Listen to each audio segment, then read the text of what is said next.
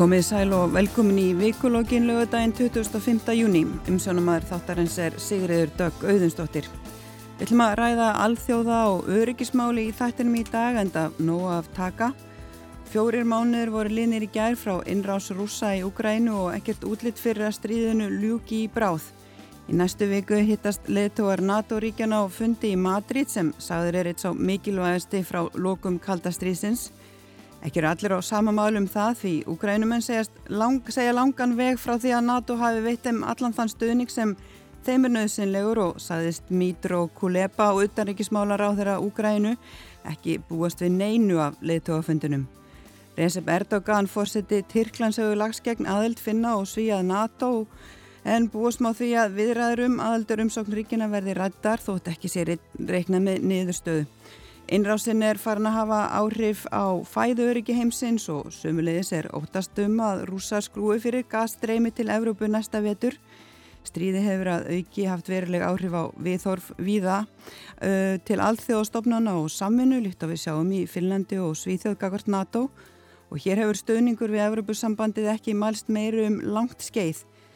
Til að ræða þetta og ímislegt fleira við heyrðum fréttir í hádeginum skótárás í Oslo og svo voru fréttir í gærum hæstarétt bandaríkjana sem fældu í úr gildi niðurstöðu í dómsmáli frá árinu 73 sem til reyðir rétt landsmanna til þungunarofs.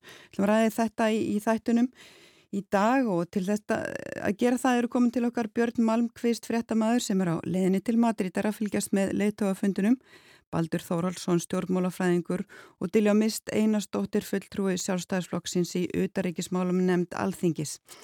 En áðurum við vindum okkur umræðin ætlum að heyra aðeins um stöðuna í ríkinu sem hefur orsakað allar þessar hörmungar sem og er með sendiherra Íslands í Rúslandi á línunni Arna Þór Sigursson. Góndi sæl Árni. Já, góðan daginn. Hvernig aðeins að heyri er bara svona stöðuna hjá ykkur núna þessa dagana, núna eru fjórir mánuðir liðnir frá stríðinu, innrásinni í, í Úkrænu. Hvernig er svona, ef við byrjum bara á umræðinni í, í fjölmiðlum, það er náttúrulega mikið verið rætt um það að, að fjölmiðla fólk hefur flúðurlandi lítið svona hægt að, að segja annað það sem að stjórnvöld fyrirskipa. Þetta er enþá bara eins og verið hefur. Já, það er í sjálf og sjálf þetta fullir að það að fjölmiðlun í Rúslandi eru þetta ekki frjáls í þeim skilningi sem við leggjum í það á Vesturlöndum og, og alls ekki og það hefur hérna, það hefur verið hert heldur að fjölmiðlum, held ég með fullir það ekki bara núna eftir 24. februar heldur er það þróun sem hefur átt sér staðum um nokkuð, nokkur ára skeið. Það hefur verið hert að fjölmiðlum þannig að að fjölmjölar hér eru almennt uh, á bandi stjórnvalda uh, og hefðbundnir fjölminnar, ekki síst sjónvarpið er mjög áhrifað mikið miðill í Rúslandi, það er mikið hort á það miklu meira, bara hort á línulega daskra og heldur, heldur við þekkjum og samfélagsmiðlar ekki eins, eins útbreyti fyrir nú þannig að þeir hafa líka verið, eða það hefur verið herst að þeim líka hér Þannig að myndin sem að fólk fær í fjölmjölum, hún er mjög einsleitt. Og finnst þér uh, svona jafn mikið vera rætt um stríðu og jafn ákafur svona, uh, svona málflutningu stjórnvalda þar ábyrrandi eða hefur uh, svona umræðan eitthvað svona dalað hefur svona kannski, er minna, fyrir minna fyrir þessu núna en, en, en fyrst? Sko það er, það er kannski erfitt að mæla það nákvæmlega í, í mínutum og, og, og þess og þar sko um fjöldunum sem fer í þetta en, en ég hef það samt, samt sem áður tilfýringuna að það er svona heldur uh, svona, ég voru að segja að þetta séu ekki fyrstu fréttiðar eins, eins og var kannski til að byrja með. Mm. Uh, hér eins og reyndar við annars þar að, að fréttir hafa tilneyingu af svona atbyrðum þegar hafa tilneyingu yfir tíma að, að, að hverfa eins aftar. En hvernig svona daglegt líf nú uh, var talað um þegar að greipið var til uh, aðgerða gegn rúsum uh, svona að þetta myndi ekki býta fyrir en eftir eitthvað tíma hefur eitthvað svona, serðu það bara á götum úti, er eitthvað að sjá að, að það sé farið að hafa áhrif á, á líf daglegs fólks þar aðgerði sem að greipið hafa verið til? Sko, ef maður horfið bara svona á, á daglegt líf hér í, í Moskvu, minnstu kosti á yfirborðinu að þá verður maður ekki svo mikið var við það að það séu stýrsátök. Vínvöldurinn eru þetta ekki hér. þannig að þú veist lífi gengur bara sinn vana gang og þá segi ég á yfirborðinu ef þú kemur sem gert komandi til Moskú þá er ég ekki viss að hún myndir áttaði á að það sé eitthvað undir niðri sem maður hefur breyst en, en þegar maður býr hérna og, og fylgist með dag frá degi þá sér maður auðvitað það sem hefur verið að gerast er að það hefur Við sjáum fyrirtæki sem hafa verið að fara hérna út, vestran fyrirtæki, vörmerki, vestlandi sem hafa lokað í, í vestlamiðstöðum eru, er, er talsvert af vestlunum sem eru bara lokaðar. Við sjáum það líka, ég er aðeins fann að finna það núna, finnst mér, í vöru úrvali í matvöruverslunum að það eru, það eru merki eða vörur sem að maður hefur kannski er vanur að kaupa sem eru ekki lengur til en kannski komið eitthvað annað í staðinn þá innlend en, en þannig að maður, maður sér, sér áhrifin svona aðeins farið, það er aðeins farið að þykka inn myndi ég, myndi ég segja og svo hafa þetta rússar líka fundið fyrir þessum áhrifum í efnagslífinu verðbólgan hefur verið hér á miklu skriði og var, er, er tvekjast af að tölu og var komin upp í 17-18% og Sælabankin er að vísa að segja hún sé eitthvað aðeins að Á niðurleið aftur vextir fóru hér alveg upp í 20% stýrivextir Sælabankans eru reynda kominir aðeins niður og kominir talsett niður aftur en, en, en þetta finnur fólk og verðlag hefur hækkað mjög mikið og þetta finnur almenningur að sjálfsögðu í, í buddun hjá sér. Mm, er ekki talað um það sé svona kannski eina, eina leiðin til þess að fá fólk til að rýsa upp gegn uh, því sem er í gangi að það fari að, að býta á það persónlega, býta á svona fjár, fjár, fjármaksliðina hjá fólki? Sko það þarf mikið til í þessu samfélagi hérna til þess að, að, að slíkt gerist og ég er ekki trú ára á það. Ég held að, að það breytingar í samfélaginu hérna það er verða ekki, ég skal kannski aldrei segja aldrei en, en mist ósennlegt að það er verði nema það er komið ofanfrá og við erum ekki að sjá það alveg gerast held ég. En uh, við erum að horfa núna á, á aðeldur umsókt Svíja og finna uh, hvernig er svona umræðan í Rúslandi gagvart þeim? Nú hafa rúsar ekki sett sig upp formlega gegn því en, en er eitthvað rætt um þetta í, í, í kringu því og verður þú varfið það?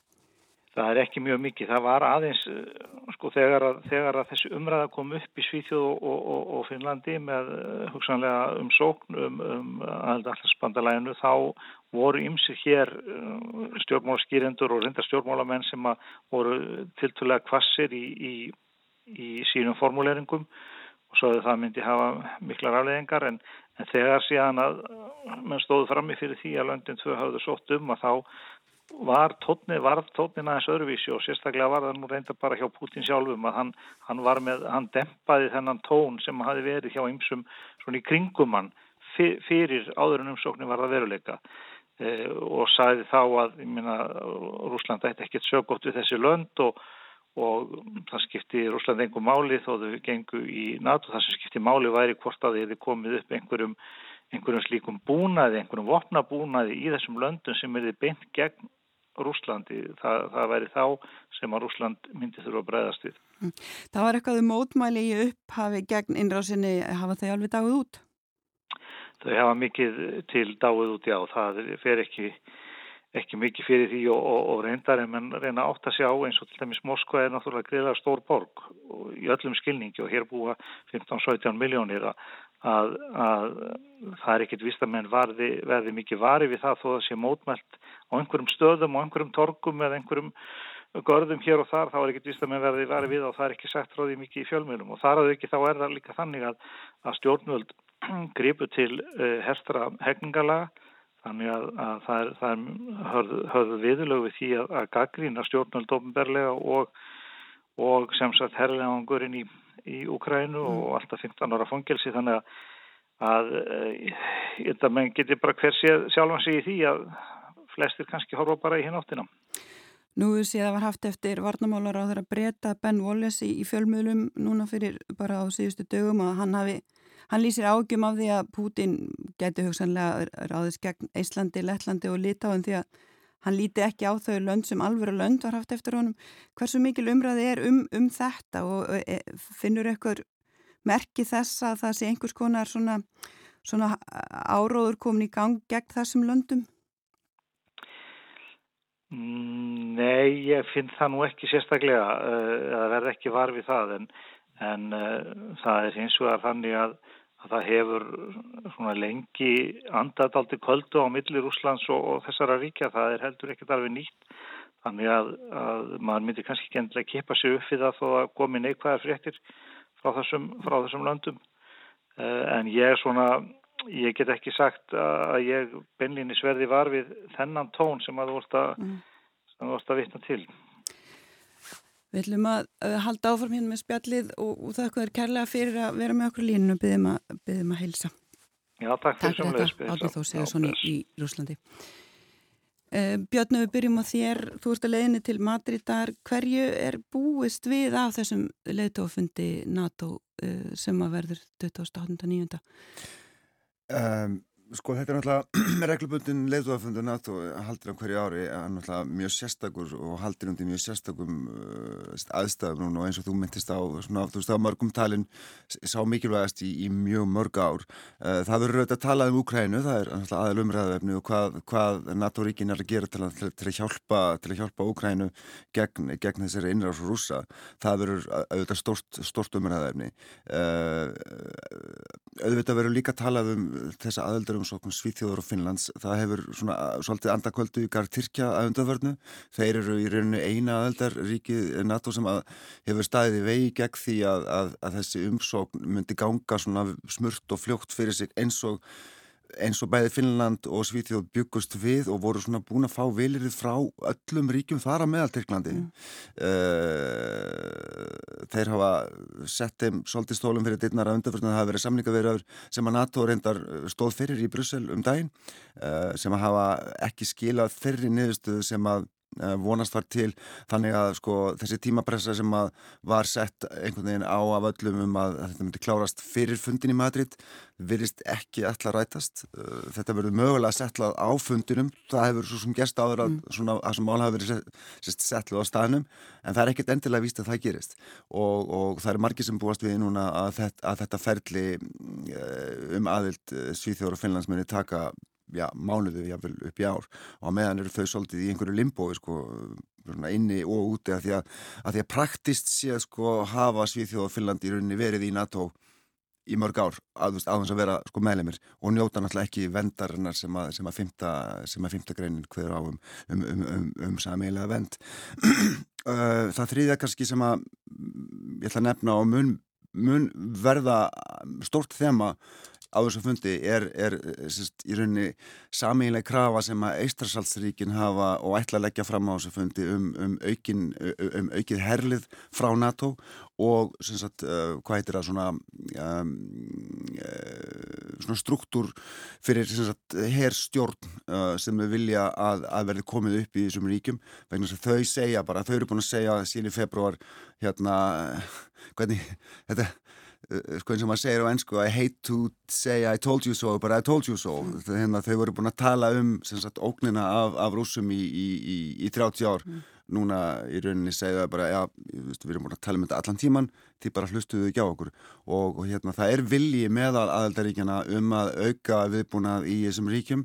Þetta verður stórt mál á, á fundunum og Kaja Kallas fórsettis á þeirra Eistlandsvaktun og aðtökli fyrir 2-3 dögum síðan þegar hún basically sagði í, í fjölmjölum að það, að, að það væru til varnaráallinu NATO sem að hljóðuð upp á það að ef rúsa myndu ráðast inn í Eistland og leggjum þessi Eistland þá tækir það NATO 180 daga að hérna ná, að ná ríkinu aftur uh, frá, sérst, úr höndum rúsa og við sjáum að sko núna eru hvað leginir, hvað fjóri mánuði frá því að þeir reyðist í Úgræn og sjáu hvernig staðin er þar mm, núna. Mm. Þannig að hún bendi bara á þess, sko þessar áallinir eh, eru bara úreldar, þeir eru ekki við lengur og það verður að, að, hérna, að breyta í rauninni viðveru NATO í, í þessum ríkjum eistrasalsins úr því að, að sinna einhverju fælingar hlutverki í það að sinna bara varnar hlutverki. Hindra hindraða að, rús, að sko að rúsum dett í hug að fara yfir landamærin. Mm. Þessi svona þrjú stóru mál verða, verða rétt á þessum fundi í Madrid. Paldi, nú er eitt af því sem hefur bent á svona sérfengar hafa verið að ræða í fjölmjölum í aðdraðanda þessa fundar að, að, að sko, þetta sé svolítið svona staða núna, sé svolítið afhjúpa veikleika NATO. Tvistruð svolítið samtök sem ekki hefur reynd á í rauninu langan tíma Hvað eru að sjá, að, að, að, hvað er í raunin að gerast núna bara varðandi NATO og, og svona raunverulegan styrk þess? Sko, almennt sé myndi ég nú segja að NATO-ríkin hafa nú staðið nokkuð vel saman. Auðvitað er e, mismunandi stefnur og sjónamið hjá einstaklega löndum eins og við sjáum í Tyrkland og Ungverjarland og, og svo Ístarsalsríkjónum til dæmis en í heildina liti þegar kemur að innrás, innrás e, Rúslands í Ukrænu þá hafa löndin staðið saman en þetta kom mörgum ríkistjórnum á óvart e, og þessar uh, rauninu stórbarkalegu yfirlýsingar Pútins um jæfnvel áframhald átaka og þau, hann gæti leita víðar fanga.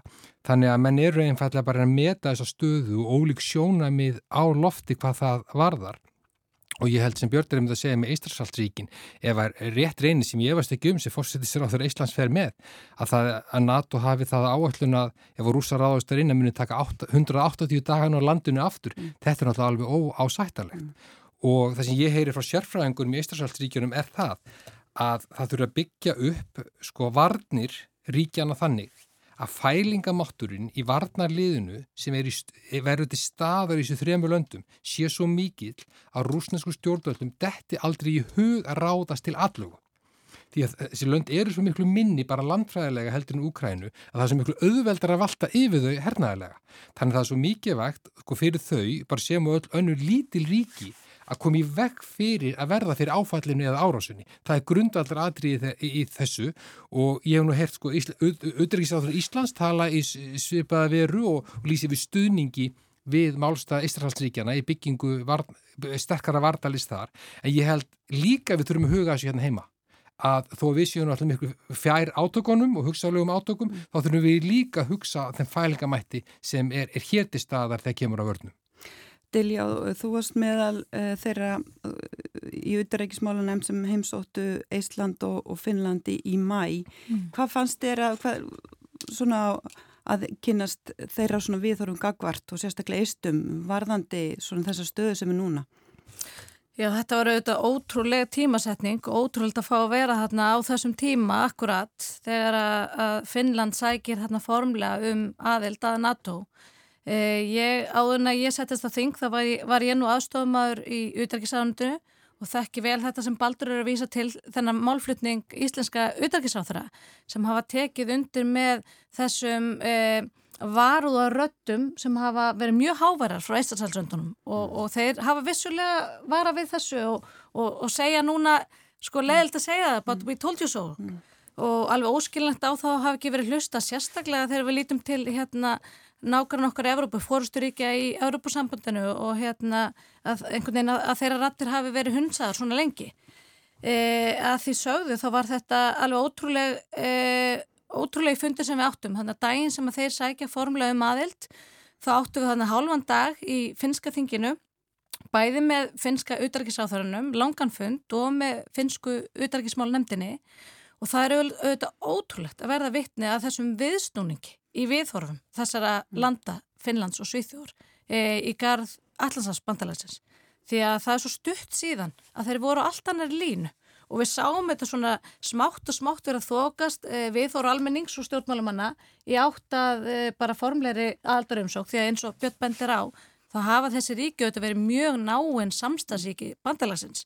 En það stýður þetta skref og þau bara lýsa því þannig í þessum ríkjum að þetta hafi bara verið algjör hérna viðsnúningur, 24. februar það hafi bara verið algjör viðsnúningur í, í, í viðhorfi bara þjóðarnar og þjóðarna í held mm -hmm. í garð þessa bandalags og þeim fannst einhvern veginn að engin annar kostur vera í stöðinu og, og til að mynda í Finnlandi, ég held að sé rétt að að það hafi verið hvað, 190 af 200 þingmannum hlutfjöldum voru eitthvað um það, það byl að, sem kusum með aðildarumsókn mm.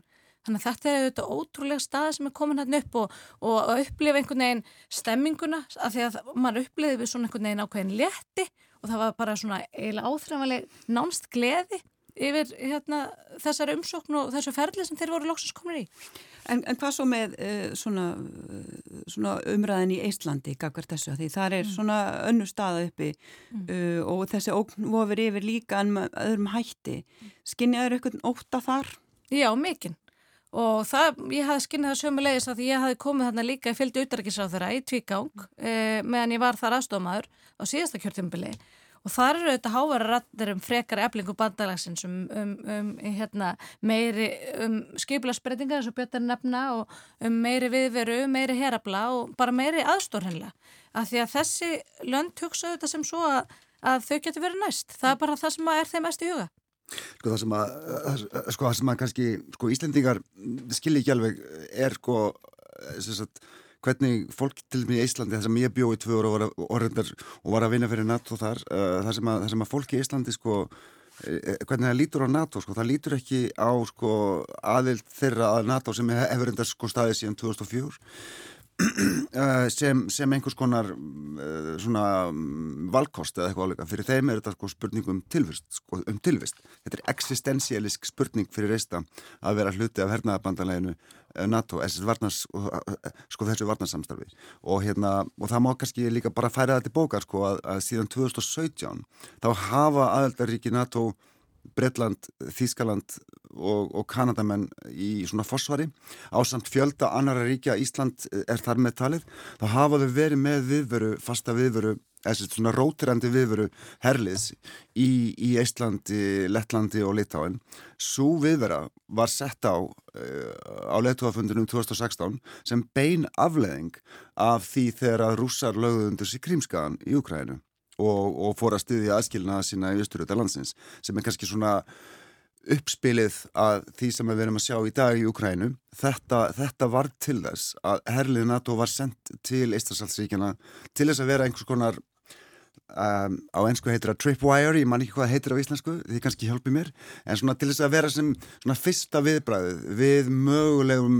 mögulegum mögulegri ásælni rúsa að komast yfir landamærin. Og gleimu því ekki sko að þessi ríki voru í Sovjetiríkjónum til 1991 sko, þau voru hluti Sovjetiríkjana og að því átnið mitt og þú myndist á það við átnað sko að þetta, að þetta viðhorfi í Rúslandi sko hjá rúsneskum stjórnvöldum að þetta veri ekki alveru ríki, þetta hefur verið gegnum gangandi narratífi eða sögurþráður í svona umfjöllun uh, áráðus uh, fjölmiðla sem að Kremlin stjórnar að miklu leiti gagvart þessum ríkjum. Þetta sé ekki alveru ríki, þau hafi ekki alveru, sko, alveru varnir, þau sé eða allt um miklum penningum í, í varnamál og að þau séu leiksoppar hérna vestrætna stórvelda í NATO-samstarfunu þetta eru svona sögutræði sem að maður sér aftur og aftur í umfjöldin úslandska fjölmjöla um þessi ríki.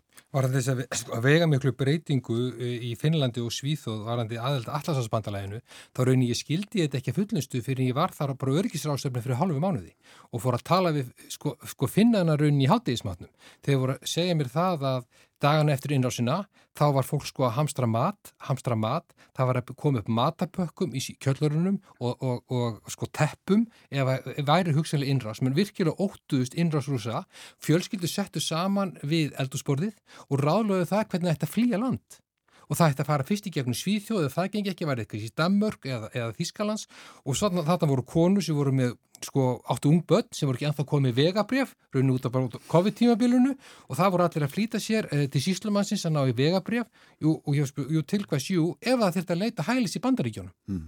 Sko þetta var bara raunveru leikin sem stólk fólki stóð frammi fyrir og þá, þá skildi maður fyrir sko viðhorsbreytinguna sem gerð, varð og það er almenningu sem þrýstir stjórnvöld í þessa áttasækjum aðild. Það sem gerir síðan hjá stjórnmálanum er það að finski stjórnmálamenn hafa alla tíð frá 1945 verið í góðu talsambandi við ráðamenn í Kreml e, og voru það sko, á kaldastriðinu og eftir kaldastriði. Nú segða þeir mér þetta talsambandi ekki lengur til staðar. Það hafa átt síðan tvö kurteisisleg símtöl millir fórsetta landana, þau eru bara kurteisisleg mm. en talsambandi er farið og þeir telja núna í fyrsta skipti frá 1945 séu stjórnvöld til Kreml óúdreknarleg og það er það sem þeir óttast. Já. Þeir hafa raunin ekki óttast innrást rúsneska herrablans fyrir núna, frá 45. Þannig að, það, að þessi ódreiknuleiki og hvað hugsanlega getur gest er, er, er, er að færa þessi ríki inn í allarsabandalagi. En til hvaða áhrif hefur þessu umröðu, þessi þróun hingað heim? Eins og við tölum um á þar uh, ríki er að breyðast við með ymsum hætti, efla sína varnir og annað, við hefum heyrt umræðinu hér hvað mm. við að gera, við erum með uh, fósætsráðara í flokki sem er svona í, í prinsipinu ansnúið uh, bara veru og hafa held okkar að NATO þrátt fyrir að, að, að flokkurinn og, og fósætsráðara stiði stækkun uh, bandalagsins. Uh, hvernig hefur þetta áhrif hingað heim? Er við með einhverjum hætti, við hefum verið gaggrind fyrir að, að vera svo, þau, það ríki sem kannski hefur minnst brúðist við heimaferir e, þessari óg sem þarna stæðjar að. Hva, hvernig er umræðin e, í stjórnmálunum?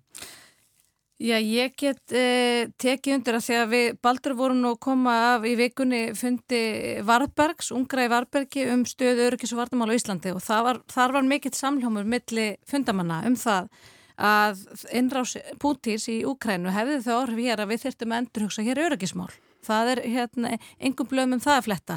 Þótt að til að byrja með hafi heist einhverjar svona efasendarættin og um það hversu mikil áhrif þetta myndi hafa hér á landi að þá heyr maður að minnstakosti mjög lítið af þeim núna að öllum þessum tíma leðnum e, hins vegar er staðan auðvitað svo að, sem beturfer að minnstakosti frá því að, að sjálfstæðisflokkurinn tók við í utækisrándinu e, fyrir örfám árum síðan þá hafa auðvitað verið framkvæmdar mikla skeipilags og áherslubreytingar í utækismálum þegar kemur öryggis og vartamálum.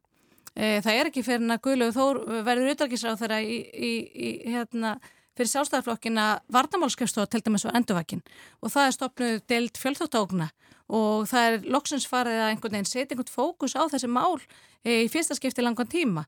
Og svo er þessu bara mjög vel viðhaldið veit ég því ég setju auðvitað í auðvarkismáli nefnd af, af Þórtísi Kolbrunnu þannig að það eru auðvitað, við erum að góði, góðri leið með það. En ég get alveg tekið undir það bara betum á dög og skal. E, við hefum þrátt fyrir að þú nefnir það að við erum hérna í, í samstarfið það sem kannski hefur ekki verið svona full einingum það e, hvernig við hefum að standa að okkar vörnum en við höfum bara e, samt búum við hérna við þjóruöryggistemnu sem að all, allir hafa skuldbundið sig til þess að fara eftir og það er, það er bara hérna verður ekkert frá þessar stjórn tekið að það hefur ekkert verið farið á bakvið þá stefnu. Og á undanförnum árum hefur verið eitt meira í uppbyggingu og viðhald til dæmis á vartamannverkjum og örgisvæni í keflaug heldur í marga áratögi þar á undan og það er bara undanfærum örfáum árum. Mm. Þannig að við höfum auðvitað, auðvitað sinna þeim skuldbindingum sem við erum í örgis og varnamálum. Það er auðvitað, ég held að séu allir sammálum það og það þýr auðvitað það, við verðum auðvitað að vera með varnir og viðbúna til staðar hér á landi til að uppfylla þessa skuldbindingar. Það, það er mjög aðeinsvert í þessu samhengi. Í gæri voru bara kollega mínir í stjórnmálahæði deilt Háskóli Íslands að kynna íslensku kostningaransóknuna. Það sem meðalannar kemur, kemur fram að skoðanakonunum sem gerða voru núna í tengslu við kostningarnar aukin stuðningur Íslendinga við alþjóðarsamfunnu og það bæði við aðeldina NATO og hugsanlega aðelda Európa-sambandunu. Það er að verða sér ásist að hér líka viðhósbreyting meðal almennings, hún kemur sérstaklega fram í stuðningu við ESB, en líka við stuðning við NATO. Þetta er mjög aðteglisvert, þó sér kannski ekki, ekki mikla, mikla sveplur mm. og við sjáum í Finnlandi og, og Svíþjóð, en rauninni, sko kannski hafa, hefa stjórnmálinn ekki brugðist við þessu. Við erum rauninni eina ríki Norðurlandana sem ekki hefur farið rauninni ígrund í ígrunda mat núna eftir eh, innrá, innrásina í Úkrænu á því hvort að hér þurfi að styrkja varnir landsins. Það verið alveg ágætis, um, ágætis umræða og ég teku undir með Diljó, það er heilmikið búið að gerast í auðarrikiðsraðunundinu og örgisvæðinu í Keflavík. Það hefur farið átti hljótt, þetta er, þetta er svona, mér finnst þetta ákveðið svona femnismál að tala um þetta í ofinböru umræðu og, og, tala, og ég tala fyrir því sko varnir byggjast á fælingu og við þurfum að segja hvernig við höfum, erum að, ver, erum að verja okkur. En þess, í þessu samingi finnst mér til þess mikið vakt að við þurfum að að ræða að hér á landi er, við erum eina aðaldaríki NATO með loftrými skjæslu sko, sem er bara 34 mánuða ári Öll önnur aðaldaríki NATO er með loftrýmiskjæslu allt árið, áriðum kring. Við erum líka eina aðaldaríki NATO sem ekki eru með lítið, lítið varnarlið. Við, við þurfum, þurfum að ræða þetta. Við þurfum líka að ræða vegna hugsaðlegra sko, skemdaverka og hugsaðlegra Sko við verðum að gera ráð fyrir því í, í, í, í varnastefnu landsins að átöki breyðist út. Þó við sjálfsögum við vonum þau gera þetta ekki. Þá þurfum við þess að huga sérstaklega netturiki sem talaður um og líka að auðviki sæstrengja. Þannig við, við, við þurfum að fara fyrst mér í sjálfstætt mat, meta þetta sjálf, Íslensk stjórnvöld, hvað hva ákvarður við þurfum að halda, svo tökum við sjálfsög upp viðröður við okkar bandalagsríki um það hvernig þessu best háttað og komast að niðurstu hvernig að haga vörnum okkar. E, Björn, eitt af því sem hefur verið veld upp er einmitt hérna eins og Baldur bendir á að, að við eigum að vera með okkar eigið varnarlið þó að sé kannski bara þúsund manna, manna herr um, hversu, hversu þróskuð er svo umræða? Hún hefur eins og Baldur bendir á kannski ekki verið sko mjög ábyrjandi en, en þó svo heyrst svona daldið undarförnu svona ákall um það að við um allavega að fara að ræða þessi mál. Já, ég, sko, ég myndur að segja að hún sé ekki mjög þróskuð. Uh, ég man eftir grein sem að byrtist bara mjög nýlega eftir, eftir, Friðrik, eftir Friðrik Jónsson, núverandi formum BHM og fyrirverandi, og já, núverandi starfsmæður Uttaríkisáðundisins uh, sem tekki mjög vel til, til innviða NATO uh, til dæmis. Hann, hann, sko, hann myndist á þessa þörf að, að við ættum að, að, ég minna, við erum náttúrulega eina aðaldaríkið í NATO sem, hefur, sem er herrlaust, sem hefur engan herr uh, og ég menna við, við, við höfum lagt okkar skerf til NATO til eins og þau segja sko, hérna, sko Dilli og Baldur með, með, með, með uppbyggingu á varnarsvæðinu með því að, því að senda stafsmenni í ímisverkefni, borgarlega stafsmenni í ímisverkefni á vegum NATO. Ég menna ég er einn af þeim uh, hérna, sem, hefur, sem hefur gert þetta. Uh, sko þessi umræða með herin, ég menna hún ásir náttúrulega veist, það er náttúrulega svona hvað við segja, sögulegir og menningarlegir þröskuldar í, í vegi fyrir að, fyrir að stíga þetta skref, en ég held að það sé mjög sko, mikilvægt að ræða þetta uh, af því að eins og, sko, sko, eins og Baldur segi, menn, við stöndum fram fyrir nýjum ógnum, við þurfum að endur með þetta hérna, stöðu okkar uh, í þessu, í þessu breyta, sko, við skulum ekki glema því að sko, öryggisumkörfið í, í hérna, Evrópa þar tók bara grundvalla breytingum fyrir fjórum mánuðum síðan grundvallabreitingum sko. hlutinni verða bara ekkert aftur eins og þau voru sko, áður. Og, og hérna, við þurfum að bregðast við við þurfum að, við, sko, við þurfum að, við þurfum að taka þessa umræðu held ég. Kannski, ég menna verða til þess að við ákveðum að gera það ekki en kannski sko verða til þess að, ég menna, eistar sem eru 1,3 miljónir þeir eru með herlið upp á hvað eru það, 3500-4000 manns, það er herskilda meðal ungra manna, þeir fara allir í svona grundvallar þjálfun í, í herbúðum. Uh, hérna, og þannig að sko á 30 árum er orðin til sko 10.000 manna sem hafa fengið þessa grundvallar þjálfun í hermennsku og eru, eru í varaliði hersins ef að, ef á þarf að halda ef að, ef að, þú veist, ef að rússar ráðast inn það eru til nákvæmar áallanir í, í, sko, í Íslandi hvernig, breð, sko, hvernig þeir bregðast við. Þeir gera ráð fyrir að sko rússa getur rúlað inn til tallin á svona 2-3 sólarhengum en þá tekum líka við sko varalið sem er til í hverju einasta þorpi í Íslandi. Þessi umræðum hugsaðlega sko stofnun he, Íslensk hers hefur aðeins komið fram sko Björn Bjarnason fyrir undir áþöra og er náttúrulega held í sérfræðingur í örgismálum Íslands. Hann talaði sko fyrir þessu, ef ég maður rétt sko 1995 hm. og fekk nú ekki mjög góður undirtektir. Hm. Hann benti líka á það fundunum með okkur Dilljá hjá Varbergi e, í vikunni að að eftir að herin fór frá landinu þá var í, í, í, Ríkistjórn Íslands með yfirlýsingu í nokkur matrum, tíu atrum í mannrétt það sem ætti að skoða það hugsaðlega að vera með litla, litla varnasveit en það, var, það náði ekkit lengur heldur en bara á, á blað sko ég heldur nú að staða sé ennþá þannig að það sé e, mjög takmarkaða vilji með lísnesku þjóðarinnar að setja upp eigið varnarlið. Ég held að e, það verði æði langt tangtið það verði.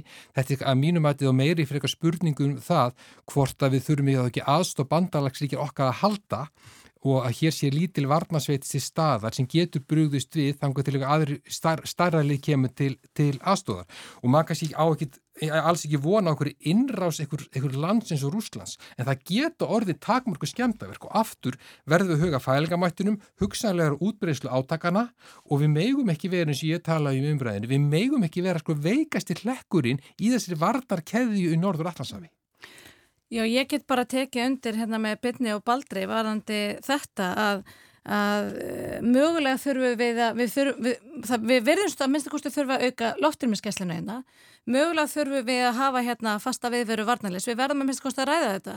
Og eftir sem ég best veit þá er verið að meta þetta og ræða minnstakosti á vettvangi þjóðaröryggisráðs. E, og, og svo umræða mætti bara fara að herra Var ekki Katrín að bóða einmitt endurskoðun uh, þessara stefnu bara í höstu eða vetur? Jú, einmitt. Þannig að það, svo umræða og vinna er hafinn á vettvangi þjóðaröryggisrás. Hins vegar að því að Björn nefnir hérna þessa grundfalla breytingu sem að hafa átt sér stað hérna fyrir fjórmánum síðan sem að eru þetta alveg augljós, hvað vendipunktur það er, þá erum við samt öll samálum það að, e, og höfum öll orðið vittni að því í mörg ár að það hafa hérna, borist hávær viðvörunar frá vinum okkar í Íslandsaldinu um nákvæmlega þessa atbyrjus og þeir hafa gefið út það bæði rætu, í ræðu og riti hvernig nákvæmlega þessi atbyrjus færi fram. Á sama tíma það er að gerast, eftir innleimun krímskaða þá eru auðvitað framferði e, fórustumanna í Evropasambandinu algjörlega til háboruna skammar og það eru auðvitað við engan annan en Evropasambandið að sagast. Hvernig er komið fyrir alfunni, hvernig hún er, hef, hefur verið og er háð Rúslandi um orgu og að á þessum tíma eftir innleimun krímska að Þískaland hafi verið að standa fyrir því að það, að það hafi verið byggð og, og áformum að byggja gasleislu frá Rúslandi fram hjá Úkrænu það er auðvitað eh, algjörlega óskiljanlegt. Og þetta hafa íslensku auðarikisráþarar okkar varað við ítrekkað og öllum fundum mögulegum síðastlegin ár við, við hérna lástendar undir þetta. En þú talar um þetta að segja eitthvað sko, Evropasambands ákverðun hvernig einstakar ríki hægir sínum orkumálum, er það ekki eins, ákverðun hvers og eins ríkis? Það eru þetta e, fórusturíki Evropasambandsins sem að gefa tónin í þeim efnum og bera auðvitað þar stærsta ábyrð og, og hafa, auðvitað, hafa síðan blessunarlega á síðan undanfærdum ánum gengist við því og, og hálfpartin beðast afsökunar því hvernig er komið fyrir álfunni og lofa því, lofa stefnubreitingu í þessu mánu. Kom, menn hafa haft trú á því og það hefur verið mjög mikið rætt hér á Íslandi líka að aukin viðskipti við til dæmis eins og rúsnur stjórnvöld og kynfug stjórnvöld, hún leiði til umbóta heimafyrir. Mm. menn hafa eitthvað vænst þess en þá held ég að menn misreikni sig að það er bara annað gilda og viðmöðuna kerfi í þessum menningar, menningarheimum mm. sem eru sko raunin ráðamenn í Kremla ráðamenn í Peking. Sko þeir, þeir hugsa ekki og framkvæm eins og við þeir, þeir, þeir hafa önnu gild og önnu viðmið þannig það eiga endilega sko, við, viðskipti og blómlega viðskipti við þessi ríki þau munu ekki breyta sko hugsunhátt í þessu ríki með stjórnarháttum í þessum ríki með beinum hætti. Sem var nákvæmlega það sem Merkel vonaðist að gerðist já, undan fyrir 20 ára. Já og þannig hafa líka, hef ég heyrt íslenska ráðamenn verið að tala í gegnum tíðina. Já. Þeir að vonast til þess að frjálsviðskipti, aukin frífjörslunarsamningar leiði til þessara þáttar en það þarf bara miklu meira til heldur en það. Ég ætla að segja það að það sé óafsakanlegt eh, sérstaklega ef við horfum á tímabili eftir innlimum krimska að auka á efnas og viðskipta tengslu og hagsmunni við Rúsland og sérstaklega þegar kemur orkumálum að því að það eru auðvitað mál sem eru beintengt öryggis og varnamálum. Ég get alveg tekið undir þetta og bandaríkjumenn voru til dæmis og Eistarsalsríkin voru alltaf tíð að vara, vara þísk stjórnvöld við þessu Einmitt. og það var ekkit ágreiningur innan sko NATO mm. um þessi mál eða þar voru bandaríkjumenn að gaggrina því stjórnvöld fyrir þetta en, en, en Merkel eh, rak þessa stefnu mjög hart og trúðu þetta og þetta var náttúrulega stefnan sem sko Þískaland stundað á tímum kaldastrýsins og þeim fann skila árangri rauninni sem endaði með falli múrsins og saminningu Þísku ríkjana. Þannig að þeir voru að vonast til þess að eitthvað sama, sama þýða myndi fylgja þessum viðskiptum eins og gerði á þeim tíma. Mm -hmm. Og líka þessi svona sögulega sektakent sem hefur þjáð þjóðverða síðan, síðan 1945 sko um, um að, um að hérna að þurfa að bæta fyrir framfyrir sitt í setni heimstrildinni tengja, tengja tengjast uh, Rúslandi viðskiptalegum, menningalegum, sögulegum böndum í gegnum tíðina. Það hefur líka verið þáttur í þessu. Ef við komum aðeins aftur inn á umræðum með Europasambandið í, í ljósið þessum þú varst að benda á baldur viðþorf Íslandingagagvarti og, og mögulega aðeldar umsókn. Uh, hvernig hefur svo svona þessi svona tilneying í Evrópu og alþjóðavísu til þess að auka uh, svona þessi, þessi, þessi, þessi atbyrðar á sundufarnar mánu eða atbyrðar uh, hefur aukið tröst almennings á alþjóðstofnunum og alþjóðsamminu. Hvernig lýsir það sér hér uh, og hvaða áhrif getur það haft á bara stöðu Íslands gagvart Evrópusambandinu? Rauninni finnst mjög, mjög aðdeglisverð þessi, sko, þessi umtalsverða viðhorsbreyting sem verður að verða þessi stað með Íslands almennings hvað var þar aðeld Íslands Európa-sambandinu sem sko, kannanir eru að sína bara tvöföldun stuðnings og meir, og meir hlutu á landsmanna samkvæmt skoðanakönnunum mm. í augnarbygginu fylgjandi aðeld með að það var kannski bara innan við triði áður. Það er mjög aðdeglisverð breyting og að menn farið á svona lítið meira til alþjóðasamvinu og þessar alþjóðastofnana e, það sem sko Mér finnst skipta mjög miklu máli þegar kemur að Európa-sambandinu og það gleimist aldrei í umræðinni að það er, eins og ég nefndi upphæfið, það er mjög ólík sjónamið meðal ríkja Evrópu, hvernig eigi bregðast við, sko bara bregðast við rúsnesku stjórnvöldum, jafnvel kýmveðsku stjórnvöldu líka. Þannig að hafa svona samráðsvettvang eins og Evrópusamband er, það sem sko auðverkisráðherrar og vardamálaráðherrar landana hittast í hverju mánuði. Sko e, fórstættisráðherrar hitta, hittast á, á reglulegu, reglulegu fundum ofta ári. Þetta er samráðsvettvangur, það sem er tala sér niður á niðurstöðu, eru vissulega með ólíki sjónamið en að loki dags tala sér niður á niðurstöðu og framfylgja henni, hún, það skiptir sköpum í, í svona viðbröðum. Það skipti líka sköpum til dæmis þegar stríði var í Júkoslæfi á sínu tíma. Gríðarlega ólík sjónamið, menn voru að styðja mismunandi aðila en menn komist á lokum að niðurstuð. Það þetta sem skipti máli og ég er rauninni sakna þess aðeins, aðeins að Ísland er ekki þarna við borðið. Við erum aðeins til hliðar í þessu og uh, núna sjáum við fram á það að Finnland og, og Svíð, Svíðþjóð og Eistrasaltsríkin eru til dæmis öll þessi ríki eru, eru sko verða núna bæði í NATO og Evrópussambandinu. Við erum aðeins til hliðar og, það, og, það, og maður veldi fyrir sér þó að ég telji að inganga Svíja og Finna í NATO muni styrkja eh, varnir Norðurlandana þá eh, áttar maður sér ekki alveg á því hvort að sko varnarsamvinnar muni auknu mæli og færast til sko, sko NATO eða Evrópussambandins og ekki vera sér norran varnarsamvinna eins og hefur verið að byggja upp á síðust árum. Það er auðvitað að sjá það fyrir sig hversu þróinu verður hvað það varðar. Til að getur tekið undir þetta að við værum betur stötu við værum innan ESB bara að eiga uh, sætið við borðið? Nei, sannarlega ekki. Uh, því að, en ég get tekið undir með Baldri að það er gaman að sjá hvernig við þorf Íslendinga til uh, alþjóðsamstars að, að það sé að fara upp á við. Og, og ég þekki þessi mál nú vel komand úr utrækisrándunni á síðasta kjörtímabili að uh, eh, utrækisrándunni lætur mæla reglulega við þorf Íslendinga í garð alþjóðsamstars Og það hefur nú kannski farið ekki eins hátt og, og he, þessi, þessar hérna, nýlegu skoðanakannir varandi viðhorukar eðurbúrsambandsins. Hversu jákvæðir Íslendingar eru í garð EES-samstagsins? Þar sem okkar hagsmunum er auðvitað best borgið og við höfum auðvitað marg kosuð um það að, að þar eigum við best heima og ég bara kannast ekki við það að við séum utan garðs eða utan gáta í Evrópusamfunnu, bara ekki en einu leiti. Ég upplifið það ekki í útrækisandunni, ég upplifið það ekki sem þingmaður, ég set nú bæði, ég bæði í ES-nemndinni og EFTA-nemndinni og ég bara þekki ekki þetta sjónamið varandi það að við séum auðvitaðgáta og það að blanda einhvern veginn umræðinu núna um aðild að Evrópusambandinu inn í umræður um öryggis og varnamál, ég verð bara að segja að mér finnst það alltaf því ósmæklegt af því að E, það er auðvitað enginn sem heldur því fram að Evrópusambandið sé þungaviktar aðlið þegar kemur örgis varnamálum. Geta NATO sem er sterkasta friðar og varnabatala heims e, undir 20% örlítið hluti af því liggur innan Európusambandsins til að mynda og það er auðvitað bara mjög jákvæmt að Európusambandi sé að beina sjónum að örgis og varnamálum í meira mæli. Það er bara mjög jákvæmt en eins og er eins og ég er búin að fara yfir þá hefur það ekki verið beinleginis jákvæmt fyrir Európusambandið, sérstaklega þegar við lítum til undanfarin ára að kastljósinu sé beint þanga þegar kemur að örgis og varnamálum. Hins vegar þá erum við auðvitað virkur þáttakandi í e-samstarfinu og svo eigum við e, í, í hérna öryggis og varnasaminu við Európaþjóður á öðrum vettfangi, ekki bara með því að vera í NATO, stopnaðalir í NATO, með því að eiga þetta sterka, þannig sterka varnasaminu við bandarikinn sem eru auðvitað stað sem að mörg ríki vilt óskað sér að vera í. Heldur eru við líka auðvitað í nánu samstarfi við Norðurlöndin í, um öryggis og varnamál Við erum e, í virku samstarfi í Norðurhópnum sem eru þjóður í Norður-Evrópu sem er samrósvektvangur um öryggis og vartamál. Við erum í sérstaklega varnasamkómalag bæði við Danmörku, við Svíþjóð, við Finnland, við Breitland.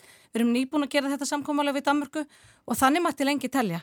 Og, þú tala svolítið eins og EES hafi eitthvað stefnumótandi ákverðunavald varðandi Evrópu en það er bara alls ekki þannig. Væri ekki næra við getum tekið þátt í þessu heildar umræðum stefnu álfunar innan ESB?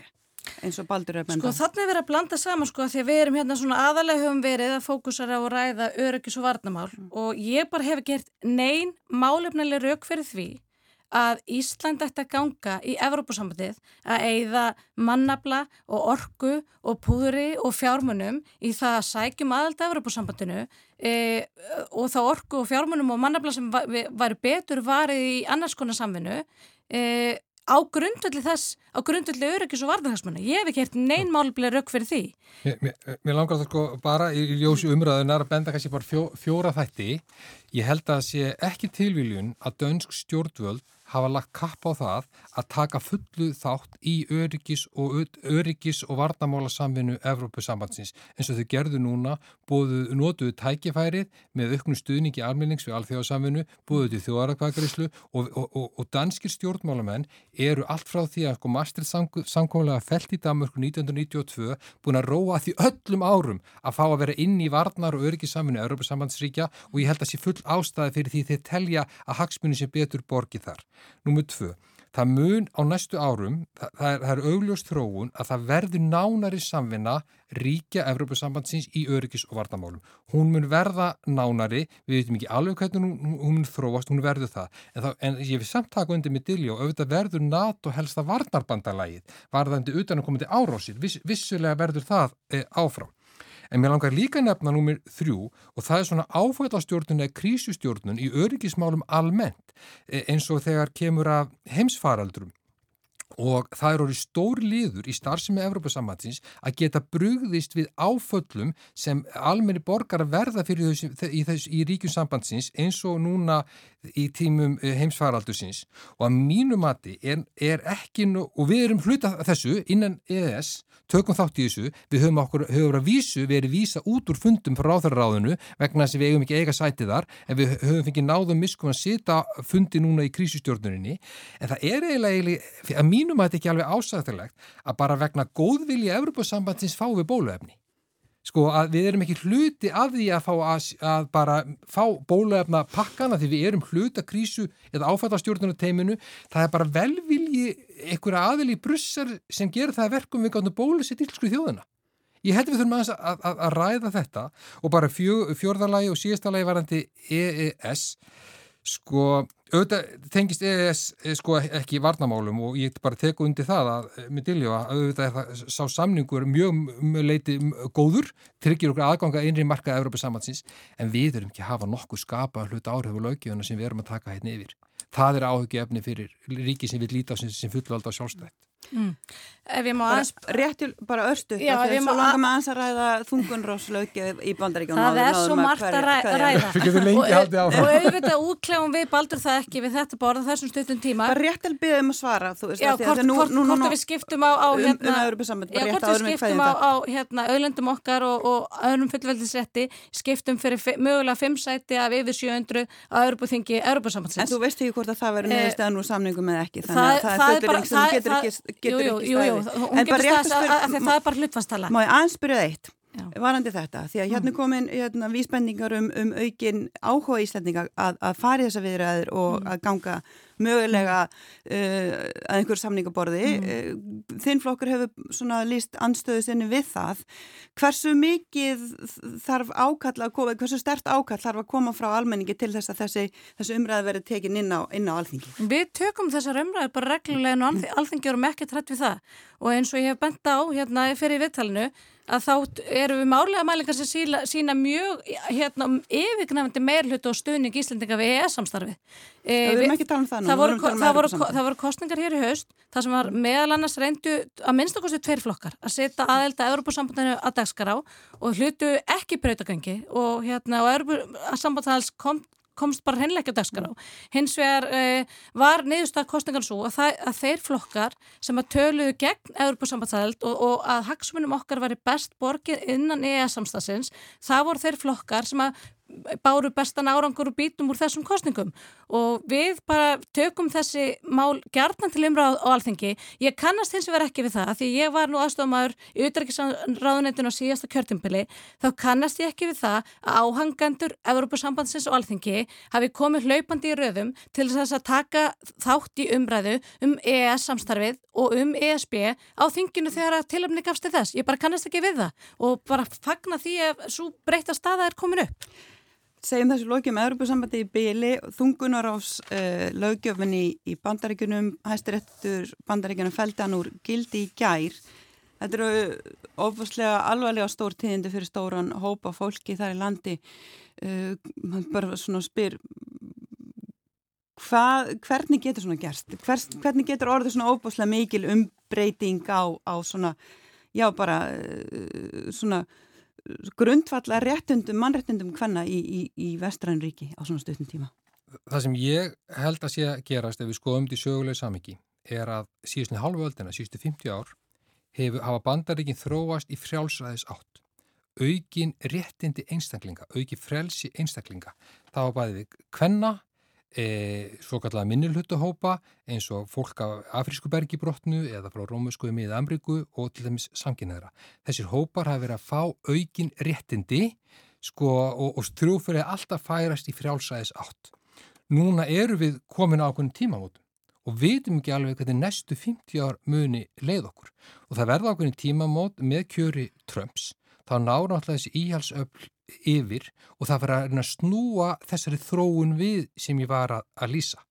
E, og þá er rauninni verið að ganga eftir einhverju svona á stundum, svona trúalegum kenningasetningum, á svona íhalsgrundvelli, gama, svona gamalla hugmynda um hvernig sko fjölskyldan á að vera, hlutverk konurnar, hlutverk kall, kallmanns, kallmannsins, allt sett inn í þess að tvíhyggju. Og nú er bara í bandaríkjunum á sér stað gríðarlega baróta um hvort að halda áfram í þessari frjálsæðis átt eða rauninu snúa tilbaka og í augnablikinu uh, eru við að snúa tilbaka til hefur ágjör af þessari þróun?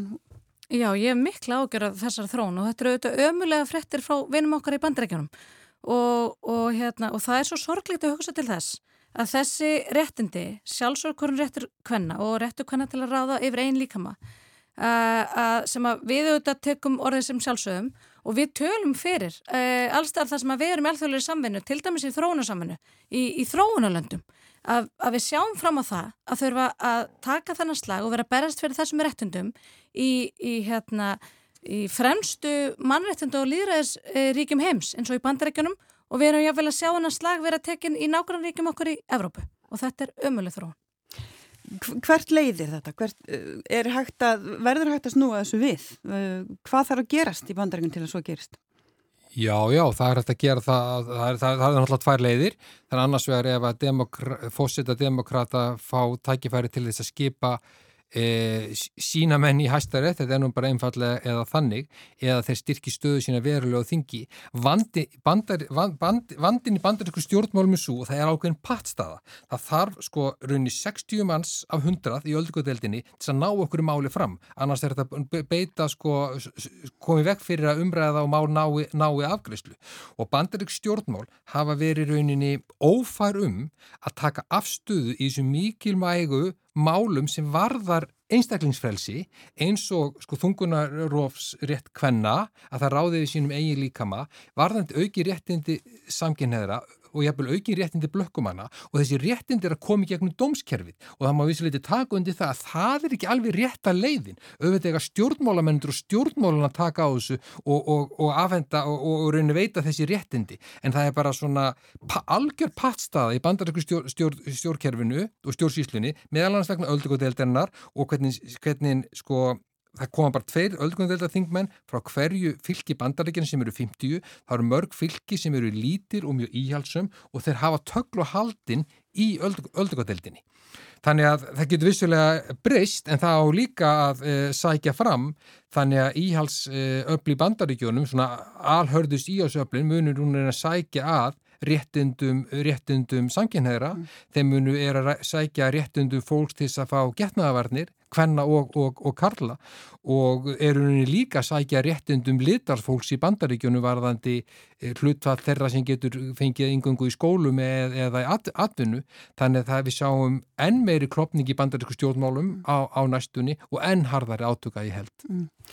Mér er ekki bara rétt að nefna að Björn Malmqvist er, er uh, farin hérna frá okkur því að hann er að fara að fylgjast með uh, blagamannafundi sem að fósittir á þeirra uh, norðmann ætlar að halda núna klukkan 12 í tilefni að þessum hörmulega uh, það hörmulega árós í Oslo í nótt var bissumaður sem er eðst uh, gegn hópi fólks í, í miðborginni og tveir látnir.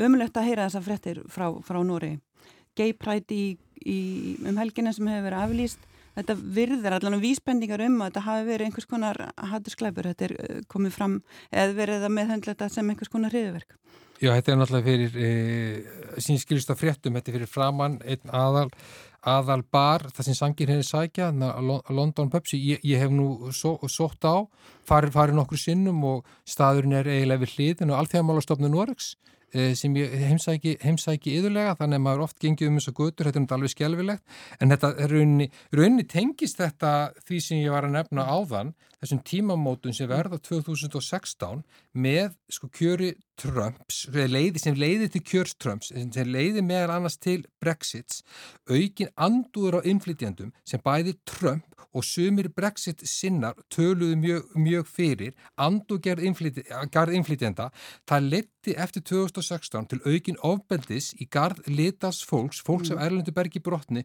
í öllri Evrópu og í bandaríkjunum og, og miklu meira ofbeldi í, í gegn hins eginn fólki.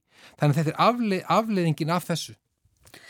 Eh, okkur vinstu nú ekki tíma til að debattera um það hvort að uppháðu endurna að þessu öllu var Trump eh, ég og nú lítinn bróð sem er, er samkynnegur sem var búin að upplifa þetta bara til dæmis í Evrópu síðastlegin áratug eh, en, en eh, þetta ömurlega mál sem að kemur hérna upp sent í gerðkvöld er auðvitað bara áminning til okkar um það hversu vakandi við þurfum að vera til þess að verja þessi mannréttindi og gildi sem að við stöndum fyrir og áttum okkur kannski ekki á að við erum í minnluta, miklu minnluta í heiminu sem búum við þessar aðstar, búum við þessi sjálfsögum mannréttindi og líraði og við þurfum bara að vera mjög vakandi fyrir öflum og, og hérna, sem að sækja að þessum gildum okkur og við hefum ekki að gefa neitt náttúrulega Hva, mann bregður alltaf ennþá meira þegar þetta er svona nálægt manni.